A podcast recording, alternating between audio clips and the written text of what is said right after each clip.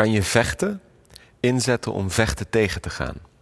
Jongerencentrum Free to Move, in samenwerking met welzijnsorganisatie Travers uit Zwolle, zet vechtsport in om veerkracht te versterken.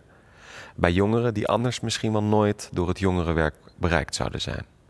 Jongerenwerkers Patrick en Elwin van Free to Move kregen hierom nagenoeg carte blanche in een jongerencentrum. Er zijn geen formele trainingen. Jongeren worden uitgenodigd om te komen hangen en sporten. En er wordt daarnaast emotionele en fysieke veiligheid geboden in een context waarmee ze zich kunnen identificeren. Door middel van positieve identiteitsvorming, het leren luisteren naar je interne kompas en gewoon een gezond rondje knokken, vergroot Free to Move de veerkracht van de jongeren in de stad Zwolle. Maar hoe gaat dit precies in zijn werk?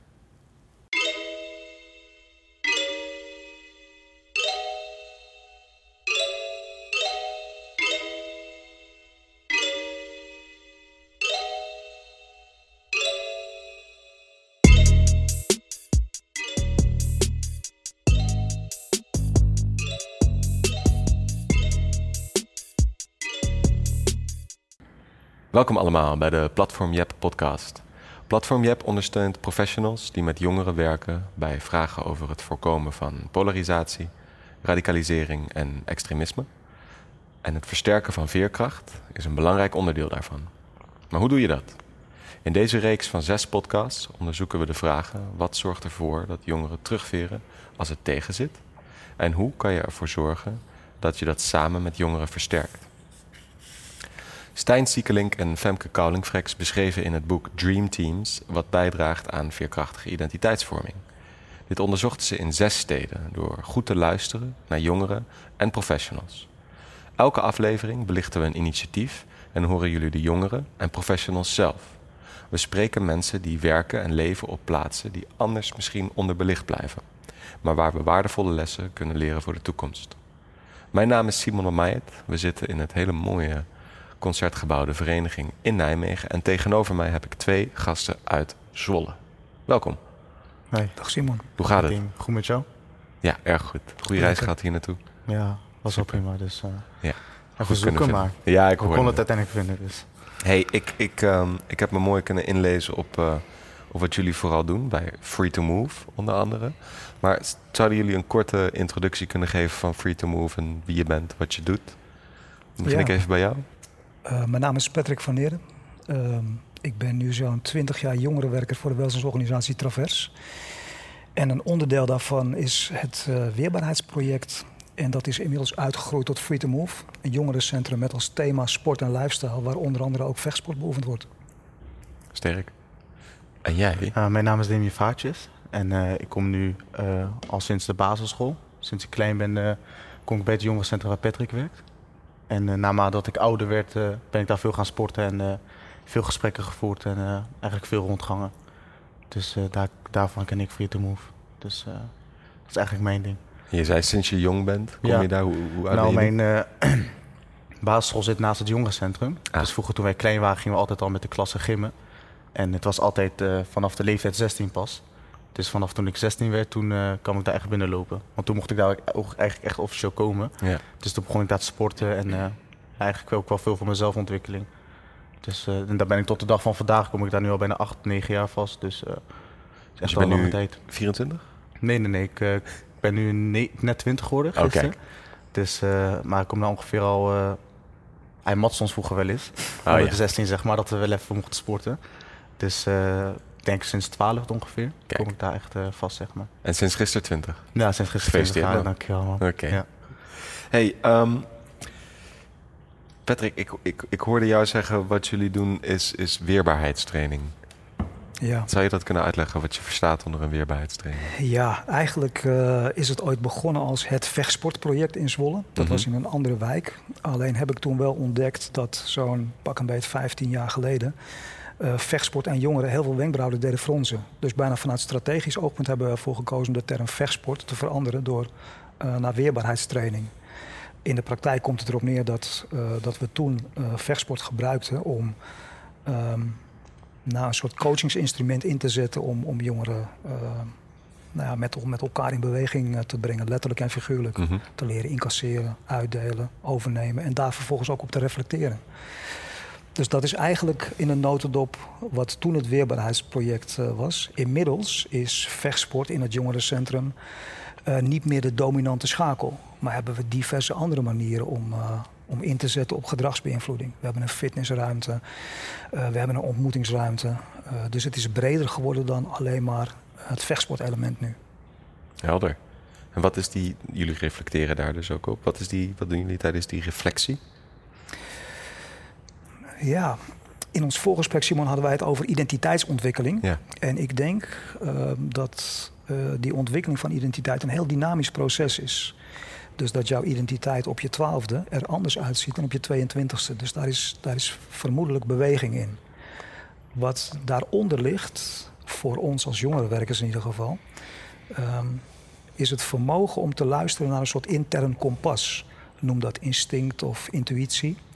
En wij vinden het ontzettend leuk om door middel van vechtsport uh, kennis te maken of te leren luisteren naar dat interne kompas. En um, om dat heel concreet te maken, Mhm. dat kan zijn hoe herken je vermoeidheid? Of hoe herken je dat je tijdens de training te weinig gedronken hebt? Maar uh, hoe voel je je als uh, Chantal tegenover je staat? Hoe voel je je als Sjaak tegenover je staat met bokshandschoenen? Wat, wat gebeurt er dan? Hmm. Nou, en ik denk dat dat een hele leuke bijdrage kan zijn aan het spelen met die identiteit. Dus daar proberen we eigenlijk op in te zetten. Helder. Herken je dit, Damien? Wat Ja, heel erg, ja. ja. En het is ook dat ik uh, dit zo vaak gehoord heb, dat, dat ik ook gelijk herkenning is. Zeg maar. Ja, vroeger toen ik zelf uh, begon met sporten, Mhm. het eerste wat ik wel meteen merkte is mijn zelfvertrouwen. Dat ik zelfverzekerder werd, ik durfde uh, thuis wat meer voor mezelf op te komen. Ik durfde Mhm. wat sneller ergens van te zeggen. En dat is in die, denk ik, uh, vijf, zes jaar dat ik ongeveer echt serieus kickbox en fitness, Mhm. is dat wel echt gegroeid. En neem ik dat echt mee naar buiten, naar huis toe en in mijn eigen omgeving. Dus uh, ja, ik herken dat wel heel goed terug, ja. Mooi. Ja. Kan, je, kan je een voorbeeld geven van hoe je dat mee naar huis neemt of in je eigen omgeving Um, toepast? ja, stel voor, ik had uh, bijvoorbeeld iedereen wel eens ruzie thuis gehad. Ja. Ik kom van huis, ik heb veel stress, ik heb net gewerkt en uh, ik heb ruzie met mijn vader gehad bijvoorbeeld. um, Patrick is dan nog niet zozeer een persoon die er gelijk over begint. Dus wat hij dan doet is, ga het eerst hoe het met jou gaat. Uh, dan ga je door middel tot dat ga je sporten. En in dat sporten uh, probeert hij gewoon heel erg uh, je geest leeg te maken, zeg maar. Dus hij zegt ook, denk nergens aan. En door middel hoe hij, hoe die naar je kijkt en hoe hij met je praat... Merk je wel van dat het, dat het wel echt een soort medicijn is om te gaan sporten. Maar niet, het kan voor iedereen verschillende sport zijn. Voor mij is het kickbox en fitness. Mhm. Maar het kan voor de ander hockey zijn of voetbal. En, uh, maar ik denk dat, dat kickboksen een groot deel speelt. Omdat um, kickboksen zelf, je kan het uit op een agressieve manier. Maar niet uh, per se op een persoon of uh, buiten op straat. Dus je kan je agressie wel uiten, maar wel op een hele goede, respectvolle manier. Omdat Dus, je leert ja. je eigen proces te ja, zien je leert je waar eigen je proces, staat. Ja, waar je staat. En uh, dat doet hij echt door middel met sporten en veel gesprekken voeren tussendoor en na het sporten. En na het sporten ja, en vooral ook na het sporten. Dus, uh, Ik zou je me eens mee kunnen nemen in een, in een dag bij Free to Move. Hoe, hoe ziet dat eruit?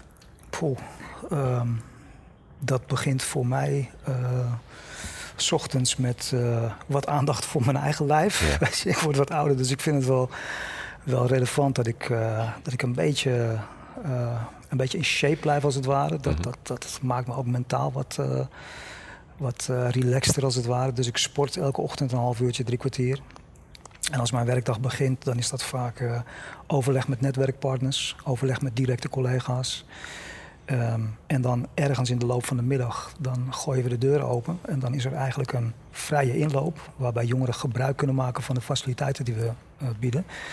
En ja, met name in die coronasituatie proberen we toch nog binnen de regels de uh, ontmoeting te faciliteren. Nou, het sporten heeft een flinke tik gehad. Ja. Dus eigenlijk de twee factoren die ons jongerencentrum heel krachtig maakt, de ontmoeting, maar ook uh, het sporten, die hebben wel echt onder druk gestaan. Um, dus we hebben daarin moeten bewegen en moeten zoeken van hoe we dan toch tot op zekere hoogte de kracht van het jongerencentrum konden waarborgen en ook het contact met die jongeren in stand konden houden, omdat er twee belangrijke pijlers wegvielen. Um, nou, vervolgens uh, hebben we de deuren afhankelijk van wel of geen avondklok open tot uh, 8 uur, 9 uur, Mhm. 10 uur s'avonds. En in die periode kunnen jongeren bij ons binnenkomen. En uh, nou ja, wat ik zeg, gebruik maken van datgene wat wij te bieden hebben. En dat is tijdens corona ook gewoon doorgegaan in kleinere hoeveelheden, kleinere Ja. groepen. Ja, we hebben, we hebben eigenlijk wel hemel en aarde bewogen om in ieder Ja. geval die ontmoeting te blijven faciliteren in die tijd, omdat we dat belangrijk vonden. Ehm, ook jongeren individueel laten sporten, dus, dus zonder andere mensen in het pand en, en daarin een weg gevonden. Of eigenlijk gezocht, moet ik zeggen, om, eh, ja, om toch mensen actief te houden en mensen met elkaar eh, in verbinding te laten zijn. Helder. En dat was voor jou, jij was ook tijdens COVID gewoon straf doorgegaan. Eh, ja, ik, eh, ik heb zeg maar ook mijn eigen werk. Dus ik was heel erg druk in die tijd, nu Oké, nog steeds. Maar ik probeerde wel, wanneer ik tijd had, probeerde ik wel echt eh, zo goed mogelijk langs te gaan. Ook om even te delen hoe, eh, om zo te zeggen, hoe fucked up het was dat je zeg maar niet meer alles kon doen, omdat alles dan gewoon beperkt was. Dus dat hebben ze ook wel goed gedaan, dat je nog wel met elkaar kwijt kon, dat iedereen wel in hetzelfde schuitje zat. Dus je voelt je daar echt, echt thuis. Het is Ja, echt een ja. open, Ja, ja, ja. open plek die Ja. jullie hebben. Je zegt een open inloop, die begint Ja. vanaf 12. Exact. Begin van de middag tot ergens halverwege Ja. of later op de avond, afhankelijk van hoeveel ruimte we hebben. En hoe komen de mensen dan binnen? Wat, wat, loopt, er dan, wat loopt er dan in? Je, je bedoelt hoe, eh, hoe weten mensen ons te vinden? En, en welke ja, mensen? en, en, en ehm, welke mensen komen er, Ja. komen er binnen? Het zijn vooral jonge mensen, leeftijd pak een beet vanaf een jaar of nou, 14 tot begin 20. Mhm. en, en soms wat oudgedienden die eh, eh, nou ja, zelfs richting de 30 gaan. Maar ons, onze primaire doelgroep ligt zo rond die pak een beet 15 tot 22 jaar. En ik denk dat ze ons weten te vinden vooral door mond-op-mond reclame. We zijn al een tijd actief in Zwolle. Ehm, het klinkt wat onbescheiden, maar we zijn wel een soort merknaam geworden. Dus Mhm. heel veel mensen weten wel van het bestaan van Free to Move. En met name de jongen die zich aangetrokken voelen tot beweging of tot sport, eh, weerbaarheidssport, vechtsport. Ja, die horen van vrienden van nou, dat kun je ook in Free to Move doen. Dus ehm, stel ik heb zin in een training, dan kan ik eh, in de auto naar Zwolle stappen en een keertje binnenlopen bij jullie. Dat kan altijd. Dat kan altijd. Al ehm, moet ik daar wel de opmerking bij plaatsen dat we zijn een eh jongerencentrum. Ja, Dus onze primaire doelgroep is jongeren. Ja. En En ja, we zijn geen reguliere sportschool. Ehm, we zijn er ook niet op uit om wedstrijdvechters te creëren. Eh, we zijn er wel op uit om ja, mede door middel van vechtsport eh, jongeren hier en daar een duwtje in de rug te geven. Of als ze zich aansluiten bij het team van cultuurdragers, dat zijn de jongeren die bij ons de cultuur dragen. ehm, weet je, dan, dan nou ja, op die manier kunnen wij ook gebruik maken van hun competenties en hun kwaliteiten. dus het gaat twee kanten uit bij Free to Move. Absoluut. Ervaar je dat ook zo, eh Damien? En jij bent een cultuurdrager dan? Ja, Kan ik jou zo noemen? ja, in principe wel, ja, eigenlijk wel. Ja, hoe bedoelt u met twee kanten? Nou ja, ehm, jullie leren van hen, zij leren van jullie. En jullie leren van elkaar ook. Ja, eigenlijk wel van elkaar. Ja. Ja. Heel veel. Ja, ik, ik merk dat wel. Alleen, alleen is het bij hun wel wat lastiger. Omdat hun hebben ons natuurlijk echt ingebracht eh, Mhm. en laten zien wat sport voor je kan betekenen. Dus eh, ze zijn wel eh, honderd keer wijzer als ze dat mag zeggen. Maar ik merk wel dat als ik soms gesprekken heb en ik praat over bepaalde onderwerpen, interessante onderwerpen, dat ik ook wel aan hun merk of hoor, zie van, oh, dan zeg je wel wat nieuws. Ja, Dus ik merk wel, zoals vandaag ook in de auto, dat daarbij dat we elkaar weer heel veel leren door nieuwe gesprekken te voeren en onze meningen aan elkaar te geven. ja. Dus merk je toch wel dat onze meningen dan, zeg maar, toch dat we daar allebei over eens worden. En dat ik hem dan weer wat nieuws heb verteld en andersom ook weer. ja, je scherpt elkaar Ja, aan op ja. die manier. En dat gaat ook echt 9 van 10 keer onbewust dat we dat niet eens doorhebben. Ja. Dus eh, ja. Dope. Ik, Ja. ik zie jou lachen om, eh, om wat hij zegt. ook. Ja, om, omdat ik ook denk dat, dat ehm, wat wij dan vanaf de buitenkant zien bij, bij jongens als Damien of, of zijn vriendengroep, dat, dat is een hechte club, eh, dat ze nieuwe jongens op sleeptouw nemen.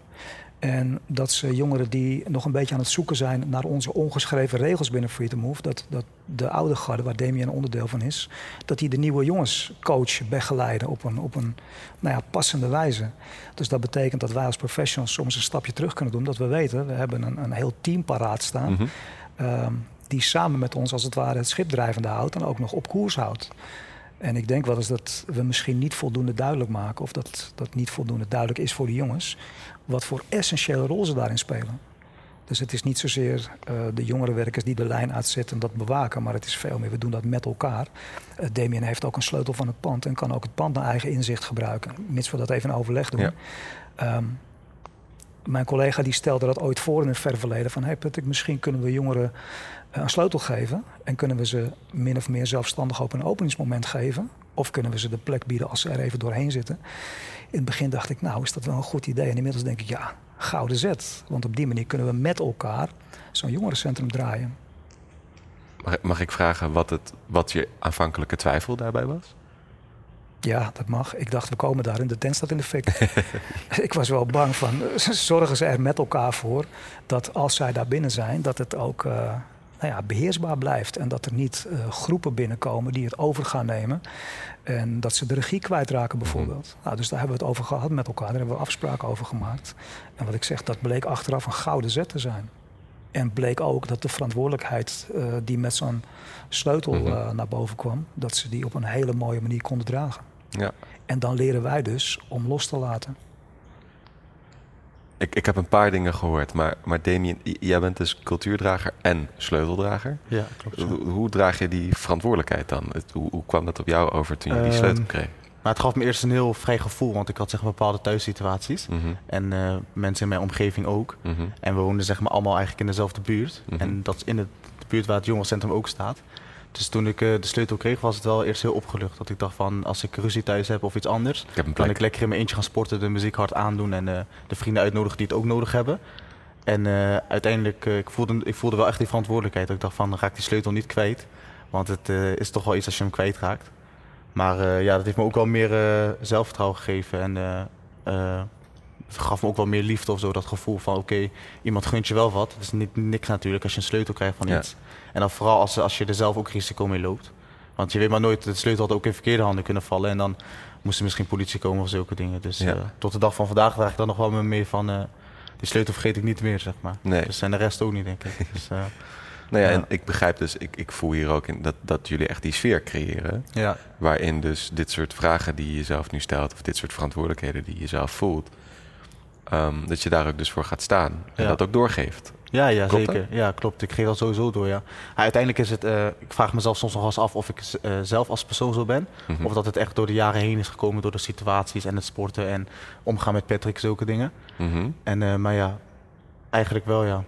Dus, Dus je vraagt je af of je dat van jezelf bent of ja, dat of ik het van mezelf ben of dat het echt gecreëerd is door mezelf uiteindelijk of door iemand anders. En, maar ja, grotendeels wel. Wat denk jij, eh, Patrick? Komt het door hemzelf of is het, is het in, in samenspraak met andere mensen ontstaan? Ja, dat is misschien een beetje het nurture-nature verhaal. Ik denk, eh, zo- ja, ik ben niet zo van de polarisatie. Dus ik denk dat dat, dat, dat een, een samenvoegsel is van enerzijds eh, ja, misschien een stukje DNA, een stukje persoonlijkheid. En aan de andere kant denk ik dat de omgeving waarin je bivakkeert, dat die ook heel veel invloed heeft op, op hoe je je ontwikkelt. Dus ik, eh, ja, ik denk dat Demi gewoon een super toffe gast is. Die op een gegeven moment ook nou ja, in een positie is terechtgekomen waarin hij kon stoeien en kon oefenen met, in dit geval, de verantwoordelijkheid van een sleutel. Ja. En het, het leuke van dit gesprek vind ik ook dat we nu, eh, we hebben het niet zo, zozeer over de rol van vechtsport, maar meer over weet je, het, het totale concept van het jongerencentrum, waar vechtsport een onderdeeltje van is. Ehm, dus ik denk ook, net als, een, net als een pen, een pen op zich zal niet de woorden schrijven, maar wel degene die de pen vast heeft. Als Mooi. je vechtsport ziet als pen, dan denk ik, ja, vechtsport op zich ehm, heeft niet zoveel betekenis, maar wel hoe wordt de vechtsport aangereikt? In wat voor context wordt vechtsport toegepast? Hoe is de sfeer in een sportschool? Is het doel eh, sociale interactie of is het doel dat je, dat je wedstrijden wil vechten en wil Ja. klimmen op die ladder? Ja. Dus ik denk dat de inzet van, van vechtsport heel dynamisch kan zijn. Ehm, ja, dat we proberen om binnen Free to Move ook ja, met een klein stukje vechtsport, dit hele proces wat we nu beschrijven, om daar een bijdrage aan te leveren. Ja, want we hebben het veel over het proces van hè, jij komt binnen en je groeit eh, Ja. tot, tot een eh, jonge man met sleutel en cultuurdrager. En je hebt het net ook over de, de ongeschreven regels van Free to Move. Ja. En één daarvan is dus, we leren van elkaar, als ik dat goed, goed teruggeef. Ja. En, en de jongeren die hier binnenkomen leren elkaar ook. Juist. Zijn er nog meer van dat soort ongeschreven regels? Of is dat eigenlijk de gouden ongeschreven regel van Free to Move? Ja, dat is een goeie. Kijk, als, ze- als ze geschreven zouden zijn, dan had ik ze misschien wat, wat eh, strakker Ja, paraat. ja, nee, maar daarom maar, vraag maar ik misschien naar. juist omdat ze ongeschreven zijn. Ja, ik denk, en, en Damien, vul me aan als je daar, eh, Ja, als je ja, daar ja, ook iets van vindt. Maar ik denk dat, eh, Freedom Move kenmerkt zich door een hele diverse doelgroep. Mhm. Verschillende nationaliteiten, verschillende niveaus, fysiek, eh, cognitief. Dus het is een hele gemaleerde doelgroep. En ik geloof wel dat we kunnen zeggen dat er ehm, nooit ellende is in Freedom Move. Nooit ellende. Nooit, nooit eh, geen ruzies, geen vechtpartijen. En er, zijn, eh, er kunnen binnen wel eens wat scheve gezichten zijn hier en daar van, van mensen die elkaar niet, ja, niet heel vriendelijk vinden. Maar als mensen binnenkomen, over het algemeen horen we altijd, er is een fijne sfeer. Ehm, en ik denk een van die ongere- ongeschreven regels is dat je als je binnenkomt en je wil gebruik maken van ons aanbod, dan ben je meer dan welkom, mits je op jouw manier een bijdrage levert aan die veiligheid, aan die veilige sfeer. Ja, en dat hoeft niet door middel om dingen te geven, maar door gesprekken te voeren en je openstellen en sociaal zijn. Veel om hulp vragen. Dat gebeurt meestal ook. Je ziet meestal dat de mensen die nieuw binnenkomen, die vinden het heel... eh die zijn nog een beetje bang, die zijn nog gesloten, Ja. die kijken echt om zich heen. En je merkt echt dat je hun moet benaderen in plaats van andersom. Maar je merkt wel, eh dat waren ook met, eh, eh, met stagiaires, met dames zeg maar. Die liepen stage en die vonden het nog heel ongemakkelijk, omdat er lopen alleen maar kerels rond. Mhm. Maar je merkt doordat hoe iedereen met elkaar omgaat en hoe je binnenkomt, dat door de sfeer zeg maar zelf dat mensen na binnen twee, drie weken al wel meer dan zichzelf zijn daar. Die Ja. komen dan echt al, die komen dan ook vaak langs om niet eens te sporten, maar echt om gesprekken aan te gaan en Ja. vragen hoe het met je gaat en zulke dingen. Ja, het is grappig wat je zegt, meer dan zichzelf zijn. Ja. Hoe bedoel je die? Ehm, ja. Eh, het is meer van, wij gaan zo met mensen om en de mensen gaan zo goed met elkaar om daar. Ja. Op een heel andere manier. Dat, eh, dat het wel bijna lijkt alsof die mensen eh er al jaren komen. Dus Ah, omdat, omdat we ze zo accepteren en dat forceren we niet. Zo zijn we dan, zeg maar Mhm. natuurlijk gewoon daar. Maar doordat we ze zo accepteren en ze mogen overal gebruik van maken, mits je zeg maar wel gewoon de gewichten teruglegt en je gedraagt. Eh, ik denk door dat, door dat, mensen zich echt eh, eh, beter voelen en vaker willen komen. En uiteindelijk ook openlijker gaan zijn. Doordat ze dan gaan langskomen om gesprekken met je te voeren en dingen vertellen waarmee ze zitten. En het is misschien ehm, een aanname van mij, maar ik neem, ik neem dus aan dat ze die houding, die nemen ze ook weer mee naar buiten. Ik, ik hoop het wel. Je hoopt het Ik wel. hoop het wel, ja. Ja. Ik, probeer, ik probeer zelf ook... eh, bij mij is het wel gebeurd, zeg maar. Maar het, het ligt echt aan de persoon. Ik bedoel, Ja. eh, iedereen zijn mensen. Dus de ene die, die eh, kan het gesprek heel diep voelen... en die zit echt alle details en feiten in. Maar de een die kan alleen maar half luisteren en het half begrijpen. Mhm. Dus ik weet zeg maar nooit hoe natuurlijk iemand de deur uitgaat. De een die neemt het echt mee en de een die zal het wat minder interesseren. Dus, maar je merkt het wel zelf naarmate waar, hoe vaker ze komen en wat ze doen en hoe ze met je omgaan. Dan merk je wel van oké, de gesprekken hebben dus wel geholpen. En door middel door het sporten en eh, dingen doen samen zoals het eten op kamp met z'n allen. Zoals? Eh, op kamp. Oh, Ja, we gaan meestal één, jaar, in, eh, in, één keer in het jaar met z'n allen op kamp. Leuk. En dat doen we dan bijvoorbeeld door met nieuwe stagiaires die dan een nieuwe Mhm. groep die is gekomen. En met beperkten, zoals mensen die autistisch zijn of een achterstand hebben. En door dat kamp leren we elkaar wat beter kennen. Ook de nieuwe stagiaires. Ja. En echt spelletjes met elkaar doen, zodat de band ook wat beter wordt. En dan merk je ook de nieuwe mensen die eh, zijn meegekomen. Dat als je dan weer in Free to Move aankomt, dan merk je gewoon dat het gewoon helemaal goed zit. Door, Ja. dat, door dat kamp, zeg maar. Dus, eh, en als dat kamp niet buiten Nederland is, dan is het wel in Free to Move zelf, als iedereen er is. Oké, Dus eh, ja, dan zitten Ja. we met z'n allen in het kantoor of samen met z'n allen op de mat. gezellig. Ja, zo gezellig, ja. Ja. Dus eh nou, dat meer. En hoe, Patrick, hoe zie jij die eh, vertaling naar buiten toe? Zie je die plaatsvinden? Of? Ja, we, ja dat, is, een- dat is een mooie vraag, Simon. Ik eh, vind dat wel eens lastig. In Ja. die zin dat ik denk, eh, de omgeving waar je op dat moment in bivakkeert. Kijk, in Free to Move proberen we de ruimte te bieden voor, ehm, nou, voor in onze beleving die gezonde interactie. Als je dat ook buiten de muren van Free to Move zou eh, willen laten plaatsvinden, dan ben je voor een deel afhankelijk van hoe je wordt ontvangen buiten die situaties. Dus met andere woorden, is die ruimte daar om datgene toe te passen wat je in Free to Move hebt ervaren. Nou, een hele lastige thuissituatie, eh, waar sprake is van geweld. Daarin is het soms lastig om dat te vertalen. Ehm, dus ik denk niet dat dat altijd lukt. Maar we willen ze in ieder geval dat vanuit Free to Move wel meegeven. Want wie weet lukt het in andere situaties. Misschien een toekomstige opleiding of een eh, werksetting. Lukt het daar dan weer wel. Ja. Dus ik denk niet dat het altijd lukt. Maar we doen wel ons best om in ieder geval dat mee te geven. Dat aan te reiken. Ja, je geeft ze dus de tools om de weerbaarheid of de veerkracht, hoe je het ook wil noemen, te ontwikkelen. Om zich ook in moeilijke situaties wel te kunnen positioneren. Ja, bijvoorbeeld die sleutel, ja. Ja, Dat is bijvoorbeeld, bijvoorbeeld precies. doordat hij de sleutel geeft. Wat ik wel leuk vind om nog toe te voegen. Ehm, en ik bedoel dit niet als een oneerbiedig voorbeeld, maar er is zo'n hondenfluisteraar op televisie, die heet Cesar Milan. Ja, ja. En soms heeft hij dan een hele recalcitrante hond en er is geen land mee te bezeilen. En uh, wat hij dan doet, en nu vergelijk ik Freedom of niet met de hondenroedel van Cesar Milano, begrijp me goed. Ja. Maar dan neemt hij die hond mee en die zet hij in eerste instantie voor zijn eigen roedel. En je ziet heel vaak zo'n hond blaffen en grommen en de roedel die doet gewoon zijn ding. Ja. Tot op een gegeven moment dan gaat hij in de roedel en dan heeft die hond eigenlijk wel in de gaten. Nou ja, het is gewoon voor mij heel handig als ik me conformeer aan het gedrag van de roedel in de kader van groepsdynamica. Want dan kom ik het beste tot mijn recht. Dan hoef ik niet te strijden. En ik geloof dat we met de cultuurdragers erin slagen om binnen Free to Move een hele veilige sfeer, uh, sfeer en setting neer te zetten. Waar mensen op basis van dat interne kompas waar ik eerder over sprak, Mhm. bijna voelen. Het zou handig kunnen zijn als ik me gewoon conformeer aan datgene wat hier plaatsvindt. Ehm, wel met mijn eigenheid, want dan kan ik het beste renderen in deze groep. Nou, jongeren komen intrinsiek gemotiveerd bij ons. Mhm. Dus hebben vaak ook een soort uh, nou, ambitie of bijna behoefte om aan te sluiten bij die groep in meer of mindere mate. Nou, en dat is denk ik uh, wat wij proberen te faciliteren. Veiligheid in, die, uh, in dat jongerencentrum Free to Move. En jongeren die zich daar intrinsiek gemotiveerd aan willen committeren. En dan met elkaar, met de cultuurdragers, proberen we die sfeer veilig te houden. Nou, en daar slagen we aardig in, denk ik. En vechtsport is daar nou, misschien een beetje de, de kruipolie voor. Dat, dat, gaat, dat gaat tussen de andere coachingsinterventies gaat dat, uh, door. Dat is één van de middelen. Dat is die je precies hebt. een stukje in Ja. het arsenaal. Ja. Wat denken jullie wat er in, in, in, in dit geval in jouw persoon zou kunnen zitten dat die chemie naar boven komt in veel contexten? Dat je dat kan neerzetten. ja, ik probeer dat neer te zetten. Ik denk dat het vooral te maken heeft met een soort uh, behoefte om te verbinden met andere mensen. Echt te verbinden. Uh, mijn persoonlijke ervaring is dat uh, beweging, sport, in mijn geval vechtsport, uh, daar heel efficiënt in kan zijn. Dat, dat kan voor een hele directe verbinding zorgen tussen mensen.